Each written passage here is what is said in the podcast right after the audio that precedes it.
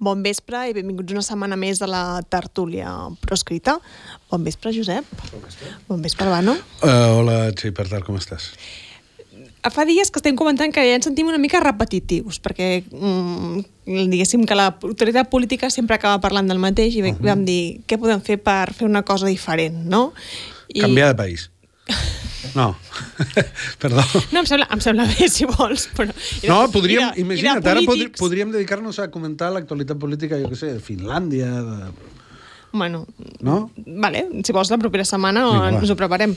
Vale, d'acord. Però no, eh, vaig dir, podem portar noves veus eh, que ens ajudin a veure una mica tot d'una manera diferent. I entre les persones que van sortir, els noms que van sortir, doncs va sortir el del Roger Espanyol. Bon vespre, Roger. Hola, bon vespre. I benvinguts a la tertúlia, perquè una setmana més parlarem de l'amnistia i pensava estaria bé tenir algú que li afecta de ple l'amnistia, saber la seva opinió uh mhm. -huh. i poder-ne parlar i no repetir-nos nosaltres amb... Bueno, estic venent molt malament la tertúlia, en realitat, dient que estem repetint-nos, no? tu que et repeteixes. Nosaltres no ens repetim, eh, que no, Albano? Mai. doncs, si us sembla, comencem la tertúlia.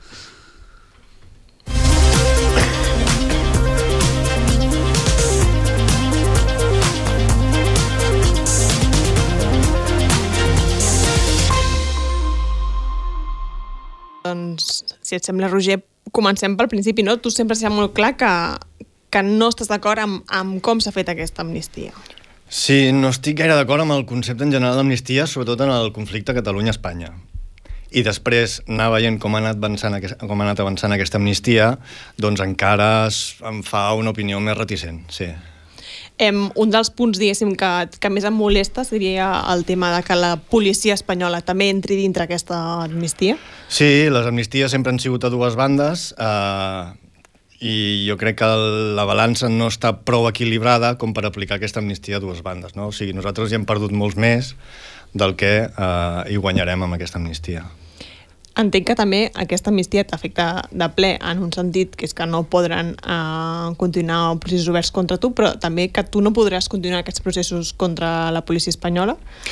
En el meu cas, i és un dels pocs que, que els policies seguiran, o sigui, seguirà el curs judicial, no els afectarà l'amnistia, almenys en principi, fins que el jutge resolgui, nosaltres sí que podrem arribar al judici. A la majoria de casos de les acusacions contra policies de l'1 d'octubre, segurament aquests, aquests judicis ja no arribaran en prevenció d'aquesta amnistia que entrarà i, per tant, no s'arribarà ni a judici ni... Almenys això em diuen els advocats. Uh mhm. -huh. I, I, bueno, la veritat és, és que jo veig aquesta amnistia com, com la solució fàcil, no? Um, no només no puc... Uh, fins i tot em puc trobar-me que jo sigui amnistiat en contra de la meva voluntat. O sigui, la meva voluntat de cara al judici és no, uh, no acoplar-me en aquesta amnistia, no? d'alguna manera, i els he dit als meus advocats que la meva posició és no acceptar aquesta amnistia. Aquesta amnistia ha d'anar proposada per les defenses i llavors el, el jutge resoldrà si entra o no entra. No? Per tant, encara que jo els meus, i els meus advocats diguem no, el Roger no vol entrar dins d'aquesta amnistia, el jutge pot ser que acabi dient uh, és igual el que tu vulguis, tu seràs amnistiat, uh, vulguis o no vulguis. Es trobaria una situació semblant Josep Costa, no? Uh, bé, clar, jo també ho vaig dir que jo em sentia perjudicat per l'amnistia, no beneficiat, i per tant uh, jo vull continuar. Aquests dies estic treballant uh, bastant amb, la, amb els casos d'Estrasburg, les demandes que tenim a Estrasburg, que ens donen bastanta feina perquè Espanya ha presentat allà milers de pàgines de documentació, arguments, etc i, i tot això és, té, té un sentit, té un sentit de, de lluita política en un, en un conflicte que no s'ha acabat. Al final, les amnisties són per donar per finiquitat un conflicte, per, per donar per acabat un problema, per eh, retornar, diguéssim, la pau social, etc. És, són mecanismes de normalització, i aquí, clar, jo crec que eh, si alguna cosa hem dit o ens hem repetit alguna vegada és que mentre no siguem independents eh, no es pot normalitzar res ni pacificar res, que en realitat eh, eh, rebaixar el conflicte només, eh, només afavoreix el poderós. I de fet estem veient com l'independentisme va retrocedint en la seva, en la seva quantitat de vots o digue-li com vulguis, eh, cada cop que es van negociant, com per exemple l'amnistia mm -hmm. o altres, eh, diguem, ítems autonòmics, no? Jo recordo que fa mesos, quan es comença, potser, no sé quan es va començar a parlar seriosament de l'amnistia, però quan va sortir el tema després dels indults i uh -huh. eh, que es veia la possibilitat concreta de, escolta'm, transitar aquest camí de l'amnistia. Jo me'n recordo de parlar amb en Roger i en Roger em va dir, escolta'm, a, a mi em preocupa molt que de la mateixa manera que ens amnistien a nosaltres, amnistiaran els policies, amnistiaran... Clar, amb tot el recorregut que hem vist aquests mesos i el que estem veient aquests últims dies, ja no és només que, escolta'm, que nosaltres ens beneficiem però ells també, és que estem retrocedint d'una manera que potser beneficien ells i nosaltres no. Vull dir, el problema que, que assenyalava Roger al principi era, ei, atenció perquè això va per tots dos, però és que podria arribar a donar-se el cas de que segons com ells eh, entreguin més profit que l'independentisme. I aquí hi ha una reflexió que jo no, no que no és de caire jurídic, sinó, és a dir, una amnistia al final com a llei que fa un procés parlamentari és, és, és un, un objecte polític, no? És a dir, una llei d'amnistia no és una peça legal que surt del no-res, sinó que surt, diguéssim, de l'equilibri de força, no? Que hi ha en un moment donat entre dos uh, contendents. Uh -huh. És un tractat de pau. És un tractat Exacte. de pau el que passa és que una cosa és un tractat de pau i una altra és una, un, un, un armistici, no? un, un, un tractat on hi ha una part que es rendeix. El que vull dir, quan veiem, eh, primer, els jutges mantenint intacta la seva capacitat de marcar l'agenda igual que durant tot el procés i tota la fase de repressió del procés. Uh, el PSOE posant-se de perfil i dient, escolta'm, és que depèn com, jo passo de tot. Uh, García Castellón marcant els timings. És a dir, al final, imaginem-nos una amnistia en una altra situació. Imaginem-nos una amnistia amb dos milions de persones al carrer, on Pedro Sánchez no es pogués passejar, no pogués ni tan sols venir a Catalunya si no és escoltat per armes llargues. Aquesta no és la situació que tenim. I tot això que estem veient de l'amnistia no és una discussió jurídica, és una discussió de que l'Estat, tots els seus elements, des de eh, García Castellón fins a Pedro Sánchez Castejón, doncs es veuen en una posició de força a l'hora de marcar això. I, a, I quan més temps passa, sembla que la posició de l'independentisme és més dèbil perquè Pedro Sánchez ja està investit, perquè els decrets surten igualment encara que eh, el PSOE no compleixi, i per tant, eh, a, a risc de repetir-me, els passos enrere són constants només per part de l'independentisme. I crec que si ens hem de repetir uh, per dir una cosa que és necessari que el moviment sobiranista prengui consciència, prenguem consciència de que no estem ganant res, de que estem eh, endarrerint, de que estem fent passes enrere, de que els drets eh, conquerits s'estan esvaint entre les nostres mans com aigua. Avui veiem a Ciudadanos en el Parlament eh, carregant contra la possibilitat de retolar en català els comerços. És a dir, eh, ens repetirem el que calgui per posar sobre la taula la realitat, i és que l'independentisme, però a més a més el catalanisme i tot el que comporta està retrocedint. I mentre no trenquem la ficció de que estem aconseguint merdes, que si una amnistia, que si no sé què, que si un compromís de no sé quantos, mentre això no passi, estem ajudant als Borbons i a l'estat espanyol. I a mi em sap molt greu pels... Eh, um, ja paro, eh? Però em sap molt greu pels espectadors de, de la tertúlia. Si volen eh, tertúlies o columnes o coses que diguin que anem bé, que ens estem enfortint i tal, pues, escolta'm, o convideu una altra persona o que miren una altra tertúlia o que llegeixin cuentos de fades. Però, eh, perdó, eh, és que estic una mica emprenyat perquè és que estic escoltant en, en, en Roger i és que Anava a dir que precisament eh, gent que va liderar aquesta idea de l'amnistia, com és l'expresident Quim Torra, eh, jo la setmana passada l'entrevistava, i no està gens a, gens a favor de com s'ha portat a terme aquesta amnistia. És a dir, que, que entenc que tu també, l'Urbano, deies potser haguéssim pogut arribar a l'amnistia d'una altra manera, forçant-la d'una altra manera i ens hagués pogut No Però- estàs molt d'acord, eh, Roger? No, és que demanar, o sigui, pactar una amnistia, una amnistia amb l'estat espanyol, eh, què més esperàvem, no? O sigui, esperàvem mm. alguna cosa millor de, de, de reclamar aquesta amnistia. Llavors, eh, estava clar que l'estat espanyol intentaria escombrar cap a casa seva tot el que pogués i intentaria escombrar cap a fora de casa seva tot el moviment independentisme, de l'independentista, que és el que està fent. bueno, és- se- al final, um, totes aquestes idees que s'han eh, de vegades eh, abanderat per part de l'independentisme eh, i, i ho hem sentit molt últimament, no? aquesta idea de que ens deien que no seria possible i al final resulta que sí que és possible. No? Ho vàrem veure amb els indults, ara ho veiem amb l'amnistia i, i, i, i un dia ho veurem amb el referèndum. I, i a veure, aquí, la cosa és molt senzilla. És dir, tots aquests, eh, totes aquestes banderes, tots aquests eh, aquestes reivindicacions o aquests conceptes eh, seran impossibles fins que l'Estat els pugui utilitzar a favor seu.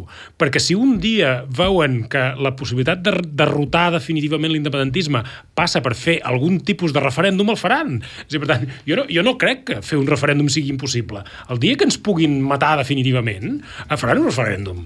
Serà una trampa, serà, serà una pregunta eh, eh, que no serà sobre la independència, és a dir, serà el que sigui, però el dia que pensin que l'instrument els serveix per acabar-nos de derrotar, el faran servir. Per tant, hi haurà amnisties, hi haurà referèndums, hi haurà el que sigui. El problema és uh, uh, que nosaltres tinguem la noció de combat i de lluita i de tenir els objectius clars, perquè l'amnistia en si mateixa eh, mai ha estat un objectiu. És, el que anava a dir, que sembla que el moviment independentisme hagi encallat en la lluita contra la repressió, no? Mm -hmm. I, I està venent aquesta amnistia o la lluita, les diferents lluites contra la repressió com a victòries o com a derrotes. I no són ni una cosa ni l'altra. És simplement un pas més que s'ha de passar. O sigui, l'objectiu per aconseguir una victòria o una altra, o una derrota, és un altre. No és eh, lluitar contra la repressió, no és aconseguir una amnistia. Um, Explica-li tu a la, a la Tamara Carrasco o a l'Adrián Sass, que està a punt de- d'entrar a presó també, o a molts altres que ja han tingut sentència i tal, que aquesta amnistia és una victòria. Per qui és una victòria? Per ells no. Ells ja han passat el que han passat i passaran el que han de passar. I després, aquesta amnistia té una data d'inici i una data de caducitat. Quan passi aquesta data de caducitat, aquest ho tornarem a fer que diuen que, que volen tornar a fer, um, tornarà a estar, els mateixos delictes tornaran a estar en vigor. Què? Mm -hmm. Tornarem a lluitar per una altra amnistia? Jo crec que uh, la lluita antirepressiva hi ha moltes formes d'encarar-la i pactar una amnistia amb l'estat espanyol és el camí més fàcil. És el boc gros amb el que estem sempre acostumats a, a rebre l'independentisme. I el boc gros sabem de, de sobres que l'independentisme sempre hi surt perdent. Sempre hi surt perdent. Si us sembla, per intentar entendre una mica què ha passat aquesta setmana, potser la gent no ha seguit molt què eren aquestes esmenes, i etc, no? perquè eh, es van fer un fart dels partits independentistes dir que no presentarien cap esmena perquè era una llei super... un projecte de llei super blindat i després eh, Junts, per exemple, que deia que no en presentaria, ha sigut qui, qui més n'ha presentat. Per entendre-ho, connectem amb la redacció de VilaWeb, on tenim el nostre cap de redacció, el Josep Nual Arcas Ulleres. Josep, bon, bon vespre. Hola, bon vespre, què tal? deia ara que, que dèiem durant molt de temps els partits independentistes, bueno, Junts i Esquerra deia que no presentarien esmenes i finalment aquesta setmana hem pogut veure que han presentat esmenes que no en totes han estat d'acord en el mateix, sí que n'han presentat de conjuntes i sembla que avui a més a més s'han donat suport unes a, unes a les altres, però què són aquestes esmenes i per què han posat aquestes esmenes si aquesta llei, si aquest projecte de llei semblava superblindat quan el van presentar? Sí, eh, exacte, ha estat així. Eh? És a dir, això quan es va eh, acordar aquesta proposició de llei d'amnistia amb el PSOE, eh, va costar molt que s'acabés de lligar el text perquè precisament el que es volia era que eh, estiguessin totes les escletxes al màxim de tapades possible perquè hi hagués el mínim marge d'interpretació per part d'aquests jutges prevaricadors com García Castellón, eh, que hem vist aquests últims mesos, uh, per, per tergiversar d'alguna manera el sentit de la llei d'amnistia i no aplicar-la. No? Llavors, uh, el que hem vist és que Junts i Esquerra han presentat esmenes. Sobretot Junts havia dit que no, que no en presentaria, que no feia falta, que el text estava molt, molt ben trebat, però n'han acabat presentant i Junts, de fet, és qui n'ha presentat més. I ho ha fet després de veure aquests últims mesos, des del mes de novembre, que és quan es va uh, entrar a registrar aquesta proposició de llei, que, que hi ha eh, una voluntat molt clara, manifesta, explícita, sense cap mena de vergonya, expressada per part de l'alta magistratura espanyola, sobretot de jutges del Tribunal Suprem o de jutge García Castellón, el que fa eh, setmana rere setmana és eh, declarar, demostrar que el que volen fer és torpedinar l'aplicació de la llei d'amnistia en els casos que tenen ells entre mans. Que no ens enganyem, els casos que tenen ells entre mans són els que, eh, des d'un punt de vista, o sigui, són els que políticament eh, més preocupen a l'estat espanyol perquè és on hi ha el president Puigdemont. És a dir, aquesta llei d'amnistia està pensada per, per tots els eh, represaliats, però la gran obsessió de, de l'Estat és que Puigdemont no pugui tornar en llibertat. Seria la seva gran humiliació i la seva gran derrota. Una altra cosa és les consideracions polítiques que puguem fer sobre el moment en què torna Puigdemont, eh, l'estratègia política que té, etc etc. Però el fet, el sol fet, i el que obsessiona l'Estat és que això no pugui passar el que obsessiona l'Estat i el que obsessiona aquesta alta magistratura, que és la que durant tots aquests anys ha estat incapaç d'aconseguir l'extradició de Puigdemont i de posar-lo entre reixes. Aquesta és la situació, no?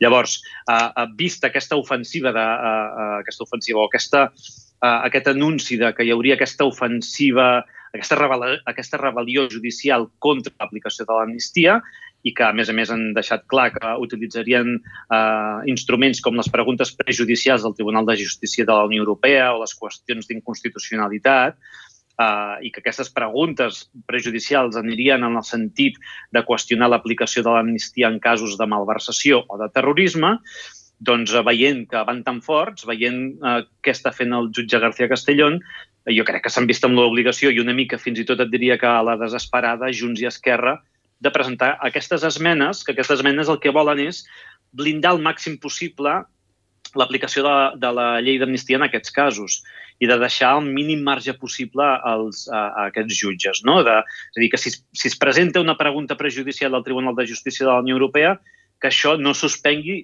eh, de cap manera cap dels efectes que té la llei d'amnistia en el moment en què entra en vigor. És una de les esmenes que es presenta. No? O que, per exemple, eh, l'esmena l'esmena important que amb aquesta eh, eh, Junts i Esquerra, tot i que les han presentat per separat, havien coincidit que era suprimir de l'apartat de casos o delictes que queden exclosos de l'amnistia, eh, suprimir la referència al terrorisme. O sigui, fins ara el que hi ha és que l'amnistia diu els casos de terrorisme no són amnistiables, tret eh, de eh, Um, uh, és a dir, els casos de terrorisme no són amnistiables si hi ha una sentència ferma. No? La resta de casos sí que ho serien. Doncs per evitar uh, interpretacions, equívocs que hi pugui haver, doncs la proposta de Junts i d'Esquerra és suprimim aquesta exclusió. O sigui, no, no deixem cap marge d'interpretació. No? Bé, doncs aquestes esmenes que presenten en aquest sentit, no, de blindar l'amnistia la, la, uh, per aquesta via d'aquestes esmenes, Junts i Esquerra presenten per separat, al final acaben coincidint, alguns, avui s'han votat els uns amb els altres, no? però aquí el que és important és que el PSOE no ho accepta i que el PSOE per aquí no passa i que aquesta és una línia vermella que estableix el PSOE i que no vol anar uh, més enllà. No? Això no va, no... Això no va preguntar, Josep, que el PSOE uh, avui hi ha hagut, diguéssim, el primer tràmit, un primer tràmit sí.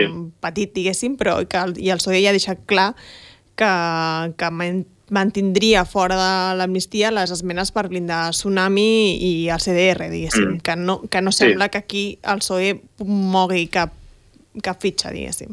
No ho sembla. A veure, tant Junts com Esquerra van, di van dient, perquè és, és el que els toca dir, mentre hi hagi marge de negociació possible eh, en, en temps, que no són gaires dies, que hi ha per mirar de negociar la manera de, de blindar aquests casos. Um, el PSOE no ha votat en ponència, que és el tràmit que hi havia avui, aquestes, uh, aquestes esmenes uh, de Junts i Esquerra en aquest sentit. Um, la, ara el següent tràmit és la setmana que ve la Comissió de Justícia s'ha de debatre i votar uh, esmenes uh, que encara es poden transaccionar i que es poden uh, negociar en aquest sentit.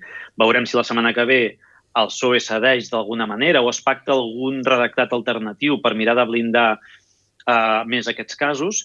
Uh, I si no, hi ha la, el text, però les esmenes poden, es mantindrien vives, s'aniria el dia 30 de gener, que és quan es votarà al Congrés uh, tot, el, tot el text de la proposició de llei, tal com quedi passat aquest tràmit de la Comissió de Justícia, abans d'anar-se'n al tràmit del Senat on el, PSOE, el PP farà la seva estratègia doncs, de, de bloqueig. No?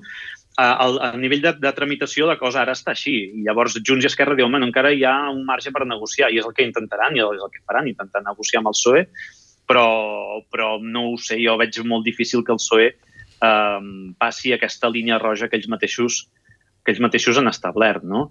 Però bé, en aquest sentit, no sé si... Eh, deixa'm dir una cosa, que acabo de veure una, un fil de, de, de tuits o de publicacions a X eh, de la, um, de la Neus Torbisco, que d'això en sap molt, i, el, i, el, i em sembla que el, el Josep Costa segurament podrà dir-hi la seva, eh? però diu, per molt que blindis jurídicament eh, una, una llei, per deixar el mínim marge d'interpretació als jutges, un jutge prevaricador com García Castellón sempre trobarà la manera, sempre, sempre, sempre, per més bé que ho facis tècnicament, trobarà la manera d'esquivar-ho, de, de, de tergiversar-ho o de rebentar-ho. I em sembla que ja fa uns quants anys que hem anat veient com els jutges espanyols ho han fet en aplicació de la llei en diferents moments, no?, en relació amb el procés. Vull dir que...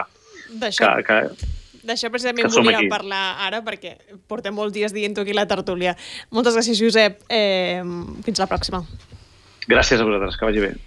Gràcies. Això volia dir, perquè com pot ser que Junts i Esquerra no sapiguessin que passaria això? És que ho sabien. Clar, però, però es fan els sorpresos. Ah, vull dir, eh, mm. estava super blindat, estava tot controlat. Eh, quan, a, quan Alerta va sortir dient... Alerta Solidària va sortir dient vigilem que no està tot blindat. No, no està tot blindat. Eh, és que, clar... Um, no, quan, no, no ho entenc. Quan varen derogar la, la sedició del Codi Penal, sí. uh, tots ja sabíem que no hi havia hagut cap sedició. Uh -huh. O sigui que es van inventar que el que havien fet era una sedició perquè volien fotre la gent a la presó i volien perseguir a, a la classe política i a la gent. Uh, I si no hagués existit la sedició, els haurien perseguit per rebel·lió, els haurien perseguit per una altra cosa. Per tant, que canviar el Codi Penal no elimina la capacitat repressiva de l'Estat. Uh, de fet, només amb la malversació podrien posar les mateixes penes que varen posar amb la sedició. Uh, per tant, el problema és l'Estat. El problema es diu Espanya. El problema és que allà manen els jutges. I, per tant, que les lleis no importa el que diguin. Per tant, a mi em sembla tot aquest debat sobre perfeccionar una llei per, perquè els jutges no puguin fer el que han fet fins ara, que és saltar-se la llei, és, és que fa gana de riure. Bueno, per, per, per això sobta que eh, l'amnistia hagi estat triada pels partits independentistes com a objectiu polític. Perquè tu poses tots els sous en el, en el cistell d'un partit que no guanyaràs mai. Per tant, eh, tu has fet un tuit ahir, em sembla, dient escolta'm, és que passarà tota la legislatura i no haurem avançat res. La qüestió és eh, perquè, eh, evidentment, mm, què? Eh, tampoc podem culpar Esquerra Republicana i a Junts de que els jutges siguin com són. Ara bé, sí de no saber-ho, sí. De no saber-ho, i, i de, ostres, si tu tenies una força electoral parlamentària fer-la servir en un joc on és impossible que guanyis, hosti, potser, potser haurien d'haver no ho sé, eh, ho dic, ho, ho, ho, o altres coses, fins i tot mira, em poso autonomista vinga va, anem a pressionar per una millora del finançament Anem a pressionar per tenir les competències plenes en sanitat. Anem a pressionar... O sigui, si ens posem en autonomistes, n'hi ha moltíssim per fer. I fins i tot te podria dir, pues, jo ho entenc, escolta'm, no podem fer una altra cosa. Ara, ni tan sols, és a dir, posar tota, el, tota la carn a la graella en una cosa que no guanyarà, que no podràs guanyar mai, i que, a més a més, no implica cap desgast pel PSOE, que és el teu adversari, també aquí a Catalunya, doncs és, és una estratègia política suïcida total, excepte, excepte que eh, sigui el pla de Junts i Esquerra, diguéssim, em costa pensar-ho, em costa... Clar, també és veritat, i tu has dit en alguna tertúlia, de dir, eh, aquí parlem com si sapiguéssim totes les coses. I hi ha coses que no sabem. El que jo començo a, a, a dubtar què, què és el que no sabem que pugui explicar el que estem veient i que no sigui fruit senzillament de, de, de la incapacitat política? Bueno, ens estem, és que ens estem fixant molt en la negociació política sobre aquesta amnistia, però al final qui té l'última paraula són els jutges. Uh -huh. Per tant, els jutges, quan tinguin una amnistia a la vista, um, voldran incloure els seus i exclouren els contrincants. Per tant, aquells que estan acusats per terrorisme, a Puigdemont, a Operació Judes i de més i de més, amb aquesta amnistia, si els hi toca un jutge que vol, vol fotre canya, amb aquesta amnistia eh, tenen més opcions de ser condemnats per terrorisme per excloure'ls d'aquesta amnistia eh, que no eh, bueno, intentar sí, incloure'ls. I al revés, coses, no? exacte. I al revés amb els policies. Els policies que podrien ser acusats per delictes greus com el que em van fer a mi, doncs segurament el jutge que li toqui intentarà incloure'ls a l'amnistia rebaixant aquests delictes dels quals nosaltres estem acusant. I després, en tot això de l'amnistia, és una negociació política que a mi personalment, o almenys és el meu, la meva forma de veure, m'ha deixat una mica sol davant de l'acusació dels policies de la Porellos perquè sóc un dels pocs casos que finalment arribarà a judici. I després, aviam què, què, què, què sentencia el jutge, si entra o no dintre aquesta amnistia. No? Llavors, um, de, quan es va començar a negociar aquesta amnistia, jo ja vaig veure que hòstia, és que em quedo sol acusant a 6.000 policies que van venir aquí cridant a la por saps? I, I em quedo com, hòstia, quina responsabilitat i quina por també, no? Uh -huh. Ja tenia prou amb, amb passar totes les fases del judici, que portem 6 anys amb una motxilla que déu nhi com per a sobre a, haver de o no sentint-me recolzat per totes les altres acusacions contra els policies que hi havia, no? Llavors... Aquests dies eh, m'entenc que els represaliats fins a cert punt eh, teniu contacte entre vosaltres, no? Ara parlaves mm -hmm. del de Tamara Carrasco, de l'Edriassas. N'heu parlat d'això i, i de si com, com afrontar a partir d'ara tot plegat? Um, és que com que al final aquesta amnistia suposarà una, un conjunt de solucions personals, mm -hmm. doncs cadascú uh, triarà la seva millor opció.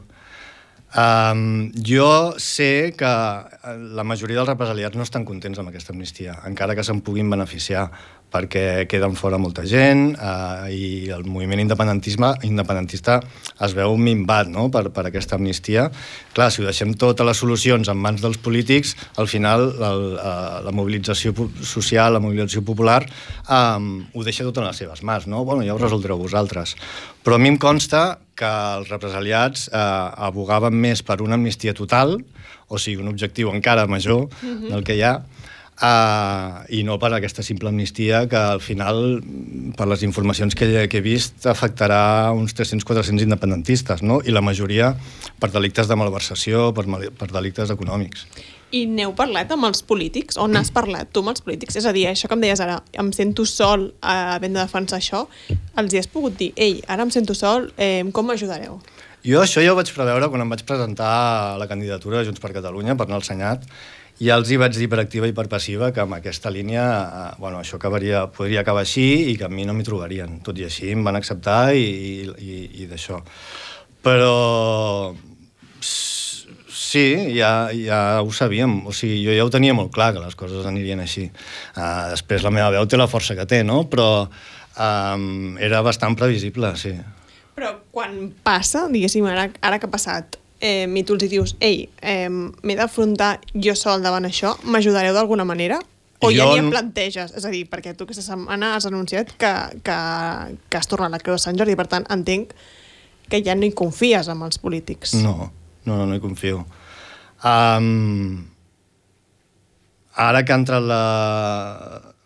La pregunta era... Perdona, eh? No, no, m'he anat una mica la pregunta, eh? però era en quin sentit i creus que pots confiar en que t'ajudin en alguna cosa o ja no hi confies? Des de que es va presentar l'amnistia, a mi cap polític m'ha preguntat per, per demanar-me l'opinió. Jo vaig parlar amb una sèrie de gent per voler tornar a la Creu de Sant Jordi i sí que els hi vaig poder expressar les meves opinions, però és un, dos polítics que van venir a veure. A mi ningú més m'ha trucat ni s'ha interessat Sí que he parlat amb la ANC per veure com podem manejar tot el tema aquest del meu judici i mm -hmm. tal, segons el meu posicionament, però interès polític per com ens afectava això als represaliats em sembla que n'hi ha hagut poc. No sé si teniu alguna pregunta. No, jo crec que, que el, el que simbolitza, no? que, que ha decidit, jo crec que és un gest que molts ens representa i, i molta, els represaliats de base, la majoria, la immensa majoria, han dit això, no? que aquest gest de tornar a la Creu de Sant Jordi ens representa a molts que eh, tenim aquesta, aquesta diguéssim, aquesta ruptura eh, si vols, eh, personal i política amb una classe amb una classe dirigent que, que ha desviat l'objectiu, que s'ha desviat del, del, que ens havia, del que ens havia de fer, no? Um, I, per tant, uh, en la mesura en què aquesta Creu de Sant Jordi d'alguna manera et feia representant de tot un conjunt de gent eh, que va eh, el dia 1 d'octubre es va posar en primera línia per defensar el referèndum eh, i a veure eh, també ho diré d'una altra manera quan es va fer de, la decisió de concedir aquesta Creu de Sant Jordi amb tot el que representava, tothom se'n va omplir la boca i tots els mitjans en varen parlar. I per mi I ara era un que... honor, també, eh? I, i efectivament, vull dir, i, i, per, i per nosaltres era un honor de, de que tu l'acceptassis, però al final, ara que tu dius, eh, senyors, amb tot el que ha passat, eh, tot això és una pantomima eh? i per tant aquesta, d'alguna manera aquest reconeixement o aquesta medalla ja no, la, ja, ja, ja no em correspon o d'alguna manera ja no la vull um, és com que ja, no, ja ningú li interessa el tema, ja no?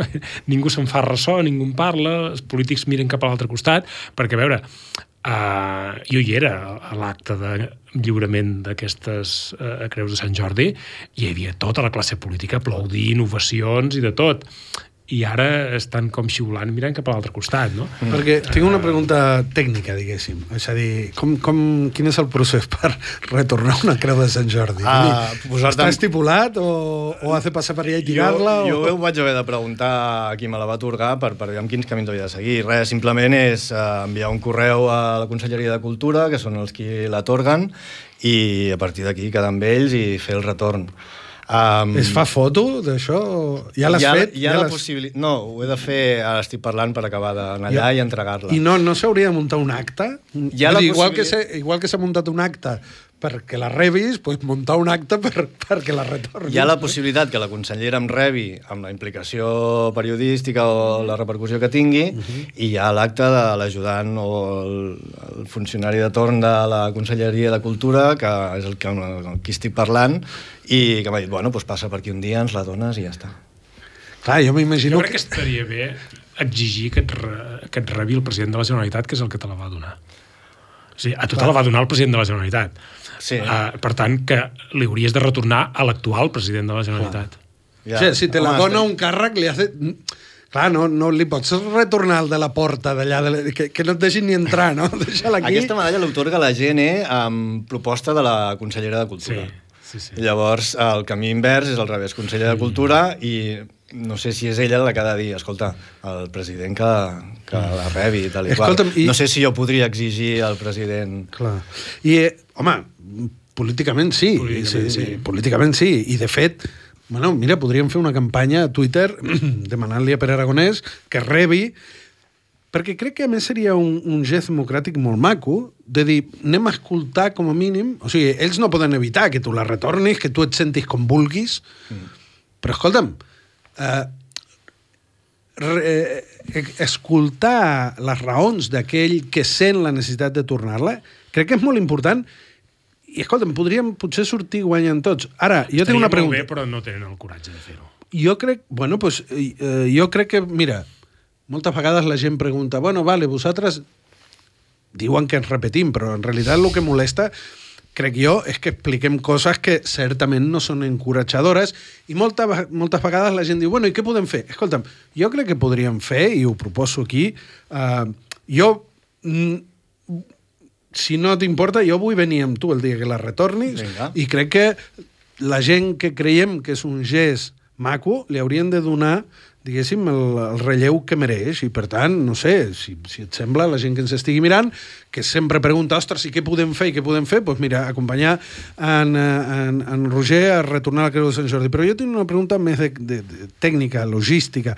ja t'ho has pensat bé perquè em sembla que la Creu de Sant Jordi una de les coses a la que dona dret és que quan la palmes tens una, una esquela, una esquela a l'avantguàrdia, em sembla que és. No? Ja, això m'ha sabut molt greu. Clar, això... Eh? Mm, Clar, sempre surts per coses dolentes a l'avantguàrdia. és veritat. Clar, aquell dia potser sortiries en plan, bueno, era un bon noi, tal, qual... I, I tot l'espanyolisme diria, mira que bé el Roger que torna la, la creu de Sant Jordi i tal, no?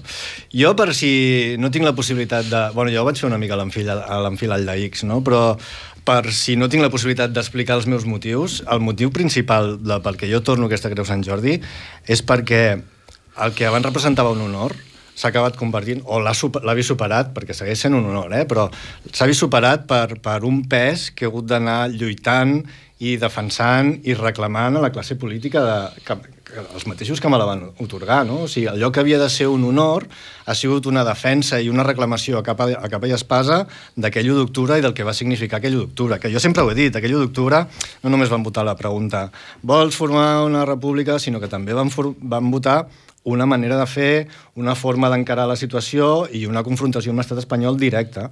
I com que això s'ha perdut, eh, la meva voluntat, jo conec, vaig centrar la política amb l'1 d'octubre, per tant, només entenc aquella manera de fer política contra l'estat espanyol, per tant, eh, eh, si això desapareix, el que jo a mi em toca fer com a guardonat amb una creu Sant Jordi és lluitar perquè allò torni, no? perquè si no, perquè tinc la creu de Sant Jordi. I aquesta lluita de tornar a la confrontació, a acceptar les conseqüències, ser previsors amb la, amb, el, amb la repressió que vindrà per part de l'Estat, um, s'ha vist mm, perduda, no, no, ja no hi és.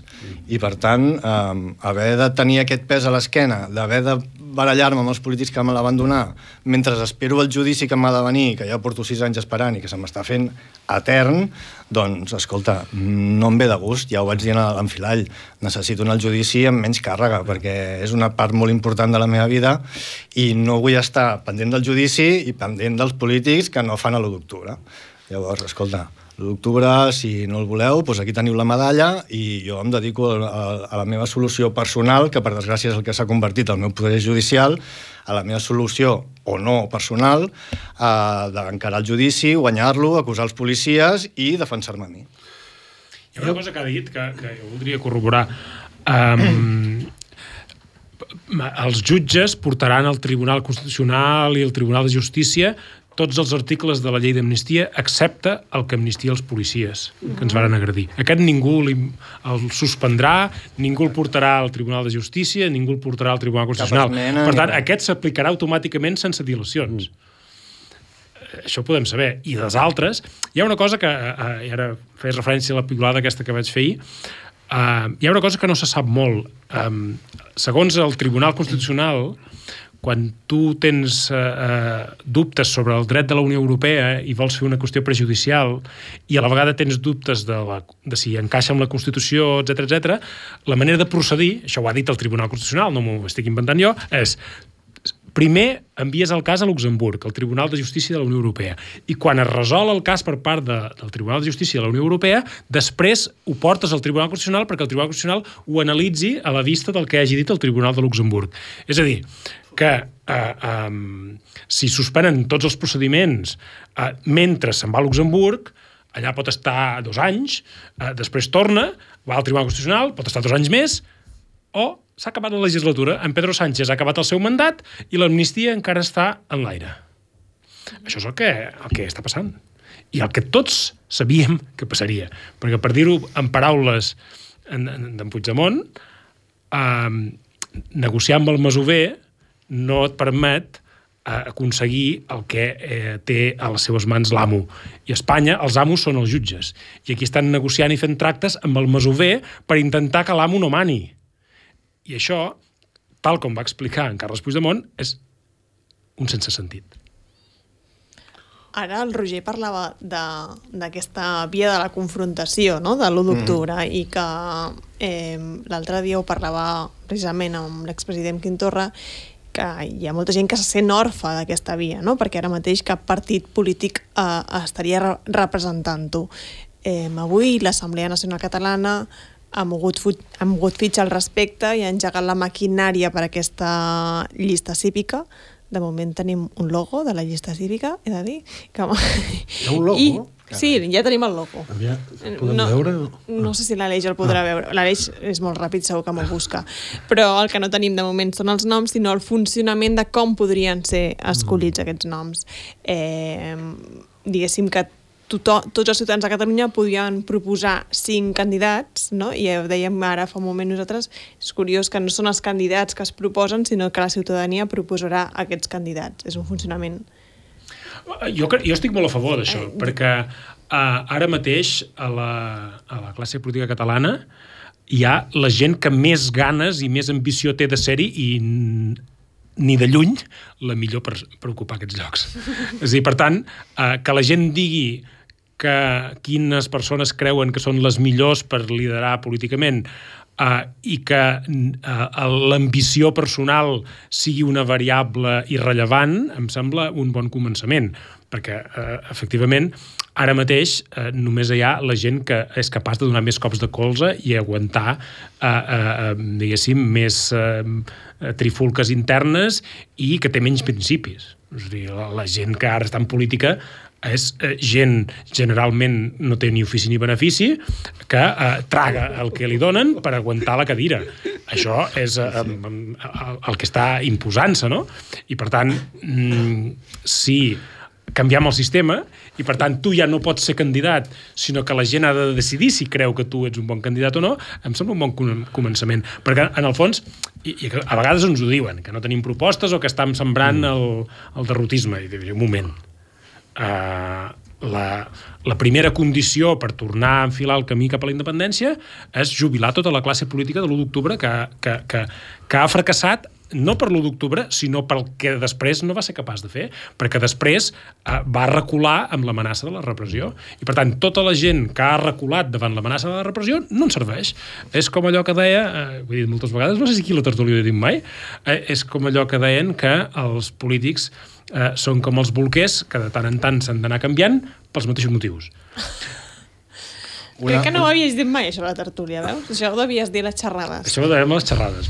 Una de les decisions intel·ligents que hagués sigut abans d'aquell i després d'aquell d'octubre és haver creat una línia, una línia successòria, no? assegurant-nos de que, escolta, si jo caic, vindràs tu, però vindràs a fer el mateix. Si aquest cau, vindràs tu, però vindrà a fer el mateix. No? I això és una, una mica el que no ha passat, no? i segueixen el que deia el Josep, que segueixen agafant-se a la cadira perquè pels motius que siguin. Passat, és que jo, a mi em van enredar amb aquesta tesi. És a dir, jo, jo, jo vaig entrar després de l'1 d'octubre. Jo no era ningú l'1 d'octubre, uh, uh, uh, i uh, després vaig entrar a les eleccions del 21 de desembre perquè em van explicar que això era una cursa de relleus i que amb tota la gent que hi havia a la presó i tota la gent que hi havia a l'exili, calia que molta gent eh, nova fes un pas endavant per eh, a continuar la lluita i, i, i no cedir eh, eh, davant la repressió.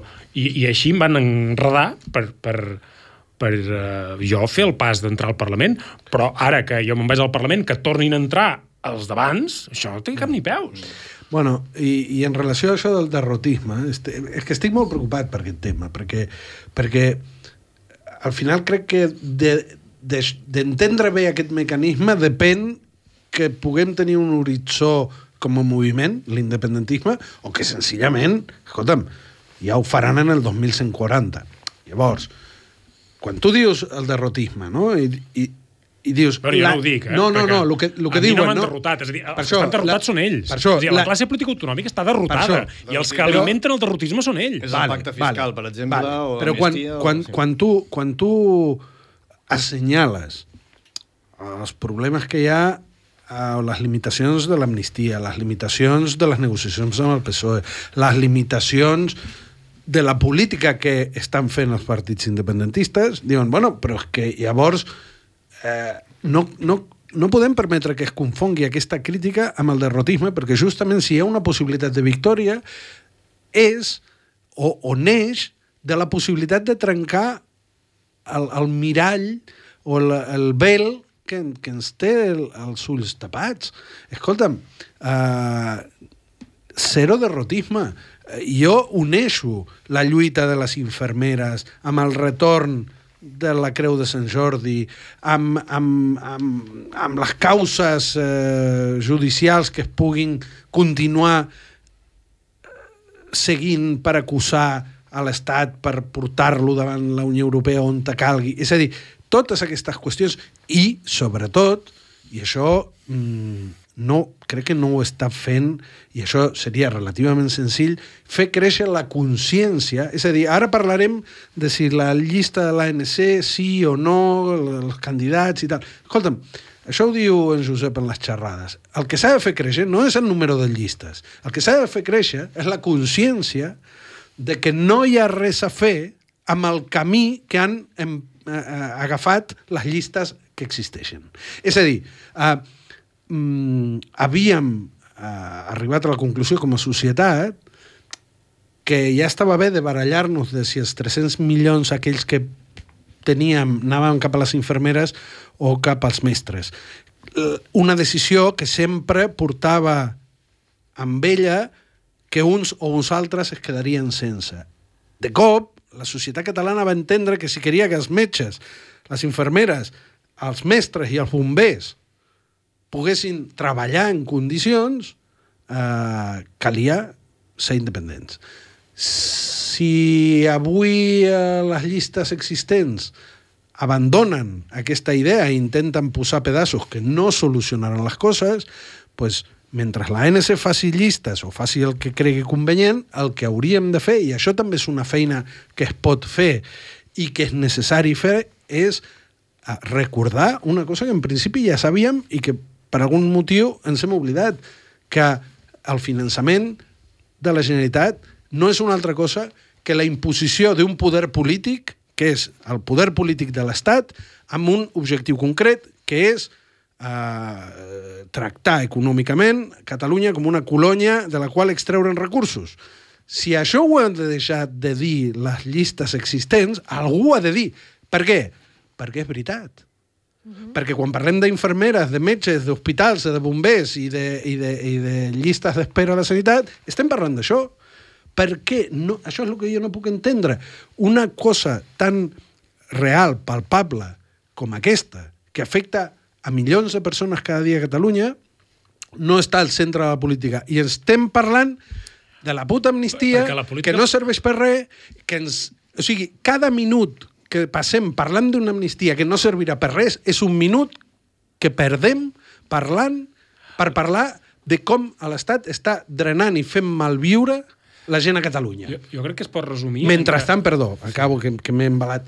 Mentrestant, l'Estat no para de crear, i quan dic l'Estat, dic els mitjans de comunicació, bé, aquests dies hem vist gent del PSOE, els catalans insolidaris, és a dir, ells tenen perfectament clar que aquest gos, que aquest os no el poden deixar anar. En canvi, nosaltres sí. Ara nosaltres estem parlant de l'amnistia. Bueno, pues, Sí, escolta'm, és important recordar que quants més independent, independentistes van néixer, i entre ells jo en sóc un d'aquells, va ser en el camí de l'1 d'octubre, en les decisions al Parlament contràries a la famosa Constitució espanyola, i amb l'1 d'octubre.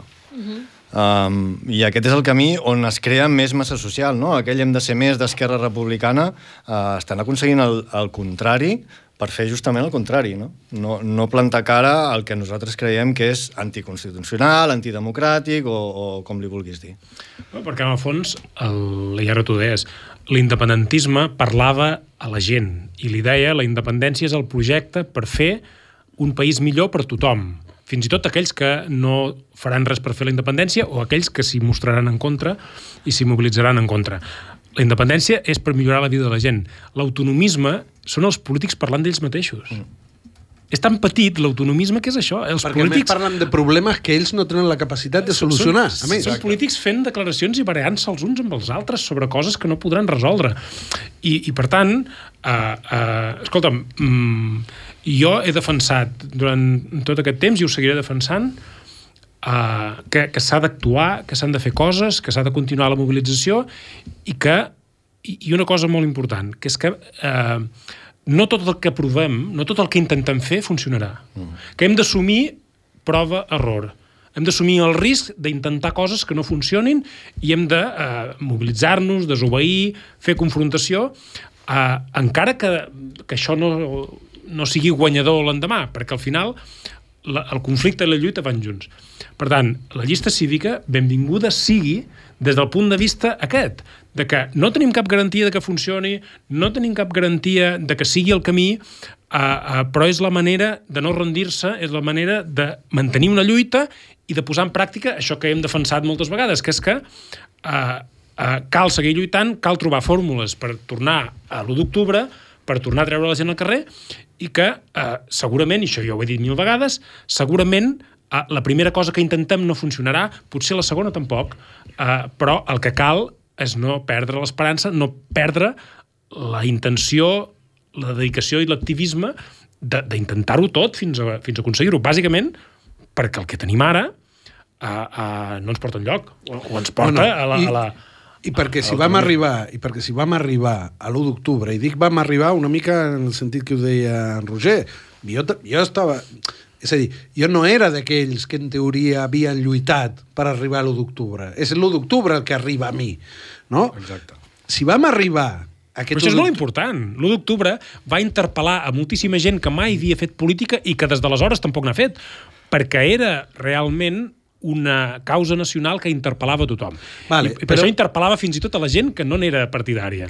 jo lo- el que volia dir és que si, ar- si, si, en, si es va arribar, si aquest país va arribar l'1 d'octubre amb tot el que això significa, una, una societat mobilitzada, una societat polititzada, una societat mm, empoderada, és a dir, si vam arribar allà és perquè molta gent en 1983 va fer en condicions segurament encara pitjors de les que vivim ara. És a dir, aquella gent que en 1983, aquells independentistes que feien petites manifestacions i anaven quatre gats, aquella gent li quedaven 20 anys d'autonomisme per davant que se l'haurien de menjar amb patates un darrere l'altre i malgrat això, allò que ells van fer era imprescindible per arribar a l'1 d'octubre amb milions de persones. Per tant, eh, a mi en, anar a acompanyar en Roger a retornar una creu de Sant Jordi o anar a, a, a, manifestar-se en les infermeres o veure què fa l'ANC, etc el, el que passi, ostres, està carregat de futur. El que no podem fer és no intentar-ho. Per tant, quan és que tens hora per... eh, He d'acabar de quedar. Estem amb... Però ens avisaràs, ara no sé, estic- ho dic perquè... ara els estic perquè ara fent ara m'han entrat ganes, tu. entrat Ara els ganes. estic fent esperar ja una mica, ells m'han estat fent esperar gairebé dos mesos i pico, ara els estic fent esperar ja una mica i, bueno, sí, quan, quan quedi amb, amb ell per mail us aviso i muntem el que sigui. I jo volia dir que uh, gent com jo, que no tenia res a veure amb la política, que era músic, que tenia una família, que teníem prou amb sobreviure la vida com podia, el que em va fer entrar en el moviment independentisme a través de l'1 d'octubre va ser uh, la pota política desobedient. O sigui, que jo em decidís a moure'm per tot aquest moviment va ser veure que hi havia un grup de polítics que també uh, eren capaços de uh, desobeir el, les lleis espanyoles o el que fos per tirar endavant tot un projecte nacional. Ara aquesta pota política no hi és. I per això quan deies que benvinguda sigui la llista cívica i tot això. I tant que sí, perquè falta aquesta pota política que, perquè per molt que ens mobilitzem nosaltres, que fem manifestacions i tal, si no hi ha una traducció política, no arribarem al lloc, tampoc. O sigui, la independència no, no l'aconseguirem només amb la mobilització eh, popular o, o, o de la societat civil. Per tant, mm, és necessari forçar a tota la classe política, llistes cíviques o el que faci falta, tornar a Creus de Sant Jordi o el que faci falta, perquè aquesta pota política torni a, a, a esperonar la gent no a sumar-se a tot aquest moviment. Jo tinc molts amics i amigues que el dia 1 d'octubre anaven a totes i que ara veient com estan les coses estan dient mira tu, eh, a mi no em li, saps? No em vinguis amb les teves. I quan jo parlo de la independència, em miren així una mica, però què dius, tio? T'has vist com està la cosa? Estàs boig o què? Bueno, perquè per recuperar la confiança eh, eh, hem de canviar-los, hem, de, hem de canviar la classe política, i és més fàcil, jo sempre ho dic, és més fàcil del que sembla, perquè ja ho vàrem fer. Tot el procés de des del principi d'Arenys damunt fins al 2017, fins al 1 d'octubre, vàrem canviar pràcticament tota la classe política i ara hem de tornar a fer. Bàsicament, per una raó que parlàvem avui, és perquè ara els tenim tots atrapats en la batalla aquesta de l'amnistia indefinidament. O sigui, com que tota la classe política està pendent de la seva solució personal en aquesta negociació de l'amnistia amb el masover de la finca, I els beneficis que en traurà... i dels beneficis que en trauran, doncs eh, hem de passar d'ells. És a dir, ara hi ha unes eleccions eh, ara hi ha unes eleccions al Parlament de Catalunya que seran a final d'any o principis de l'any que ve. És invotable ningú que estigui atrapat dins l'amnistia, perquè sabem que durant anys no faran res aquesta gent. Mm. Per tant, eh, eh, bueno, no sé, hi, hi haurà molt de debat sobre quines opcions i quines altres, però eh, el que és evident és que tota la gent que està atrapada en aquest corralet de l'amnistia és imputable. Mm -hmm. Volia dir dues coses. Una, que l'Aleix us ha trobat el logo perquè, Sí, l'hem vist. eh, perquè estigui Ah. tranquil·la. Ostres. L'hem vist. Vale. I, I dues, eh, el que dèieu, no? que la llista cívica segurament no serà l'única opció que, que sortirà endavant per part d'aquest moviment més rupturista, no? perquè hi ha diverses propostes que sembla que s'estan movent i, i etc. Llavors, l'altre dia eh, parlàvem amb Quim Torra i deia això. El moviment independentista de tornar a ser creïble. Això passa per renovacions de lideratges, crec que sí. Això passa per eh, empoderament de les entitats eh, socials, crec que també passa per aquí. I probablement passi doncs, perquè eh, apareixi alguna alternativa als actuals partits polítics. En el moment en què ens trobem de, de desencís, d'abstenció altíssima, és que, a més a més, em semblaria molt interessant que, que almenys aquests vots no es perdessin i, per tant, anessin a una, a una opció. No? El que sí demano, el que sí demano a totes aquestes iniciatives que, que puguin estar-se coent mm -hmm. és que tinguin la generositat com perquè eh, la via unilateral proposi una candidatura. El que no podem ser és que ens trobem que també l'unilateralisme es presentés dividit a, a les eleccions. Llavors, això, això conduiria al fracàs. Que no es presentés dividit a les eleccions. Creieu que això és possible o realment sorgiran diverses candidatures? Jo no estic gaire d'acord en, en que sigui... És a dir, això, això no, no es podrà... Eh, no es podrà manar, això anirà com anirà i no crec que sigui... És a dir, òbviament, sempre és millor que la gent es posi d'acord que la gent que comparteix uns objectius. Això és evident. Però escolta'm, eh, no, no ha de ser... No, no estic d'acord en aquesta idea de que, ostres, que no passi això perquè si no serà terrible. Escolta'm, si passa això, la gent tindrà prou criteri per destriar i per entendre i, i, i jo també crec que, que cal ser... És a dir, si el resultat és eh, humil, pues bueno, serà el que serà i serà necessari haver-ho fet. És a dir, no entenc aquesta por de... de, de, de... Eh, vosaltres, precisament, anava a dir-vos, sabeu què és fer una candidatura des de zero? des de zero i una candidatura... Mira, és una candidatura que no va tenir representació i jo mm. crec que va fer una feina política brutal. De fet, ens deien, ostres, no, us hauríeu d'unir perquè tal. Escolta'm, eh, nosaltres volem fer això. Si hi ha altres espais que no comparteixen aquesta visió o que la comparteixen diferent, no passa res. Fem propostes a la societat. Fem propostes a la societat i que la societat tri. I jo, el Front Republicà, estic superorgullós políticament de lo que va fer. Perquè va donar una, una, una veu i una oportunitat a una manera de veure les coses que en comptes de treure en 10 en treuràs 7, no passa res. Crec jo, vamos, crec que, que, que, que posar tota l'atenció en si, ostres, si anem dividits, no sé quants escons perdem, crec que no. Però bueno, que, que caldrà estar atent, sabent quines són les propostes. Jo, sobretot, a mi em preocupa més, no tant que vagin units, sinó que hi hagin candidatures independentistes. Uh -huh. El perill és que no hi hagin candidatures independentistes.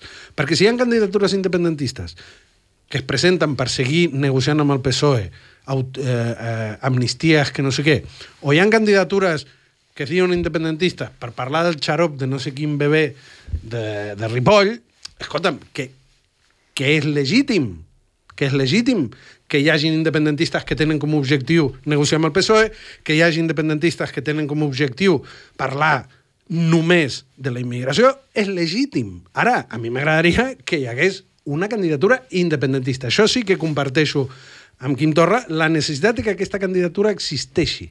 Perquè, si no, els independentistes no tenen ningú qui votar. Eh, Perdó, em sap eh? greu, em sap greu, però hem de deixar-ho En aquí. Roger perquè hem- volia dir no sé què, però bueno. No, no, era, era això, Un minut, que Josep. dins d'aquesta unió unita, unilateralista que proposava Quim Torra hi ha el perill de...